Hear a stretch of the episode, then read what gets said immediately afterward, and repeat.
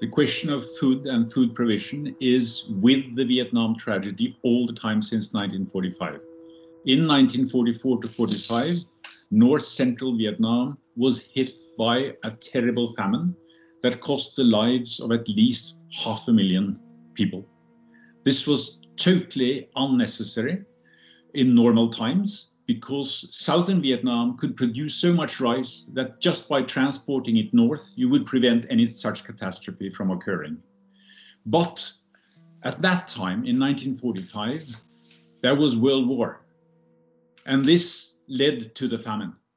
France, which was still in power together with Japan in Indochina, did not do anything effective to transport rice from the south to the north. Japan stored rice for its own troops instead of helping the population.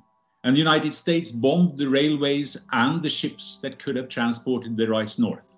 Result half a million people dead. And this famine was part of the story behind the later wars because it fueled the Viet Minh movement led by the communists to rapidly gain support out in the countryside so they could carry out a revolution in the wake of the Japanese surrender in August 1945 and establish the Democratic Republic of Vietnam, which later fought against France and the United States. And then hunger continued to be a problem during uh, the next decades. How?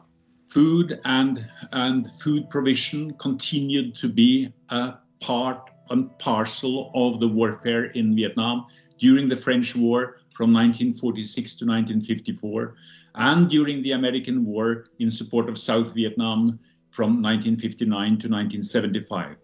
During the American period, what is most uh, well known and most talked about, most controversial, is the use by the American forces of defoliants, chemicals that were uh, sprayed on the woods to de- remove the leaves from the trees so they could see their enemy or their um, the, the National Liberation Front for Vietnam fighters.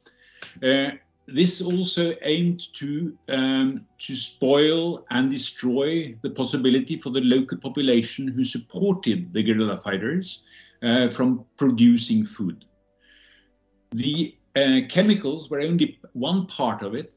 The United States also used so-called Roma plows.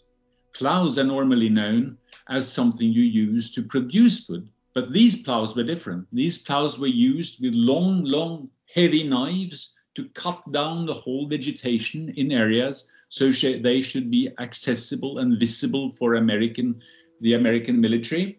So, and so they could not be used by uh, the enemy. These chemicals and the destruction of the woods are part of an ecological tragedy and disaster in Vietnam that has led it to, to the destruction of its uh, huge forests, virgin forests, although commercial logging has there perhaps the, perhaps the main culprit. But the, the warfare and the destruction of the woods were part of that story. There is also now remaining dioxin in the earth that leads still today to the birth of uh, deformed uh, children. And uh, there is a strong call in Vietnam for the United States to repair the damage and pay repair and engage in projects to remove dioxin from the soil. Happily enough, the United States has been doing some of this in cooperation with the Vietnamese government. But hunger is no longer a problem in Vietnam today.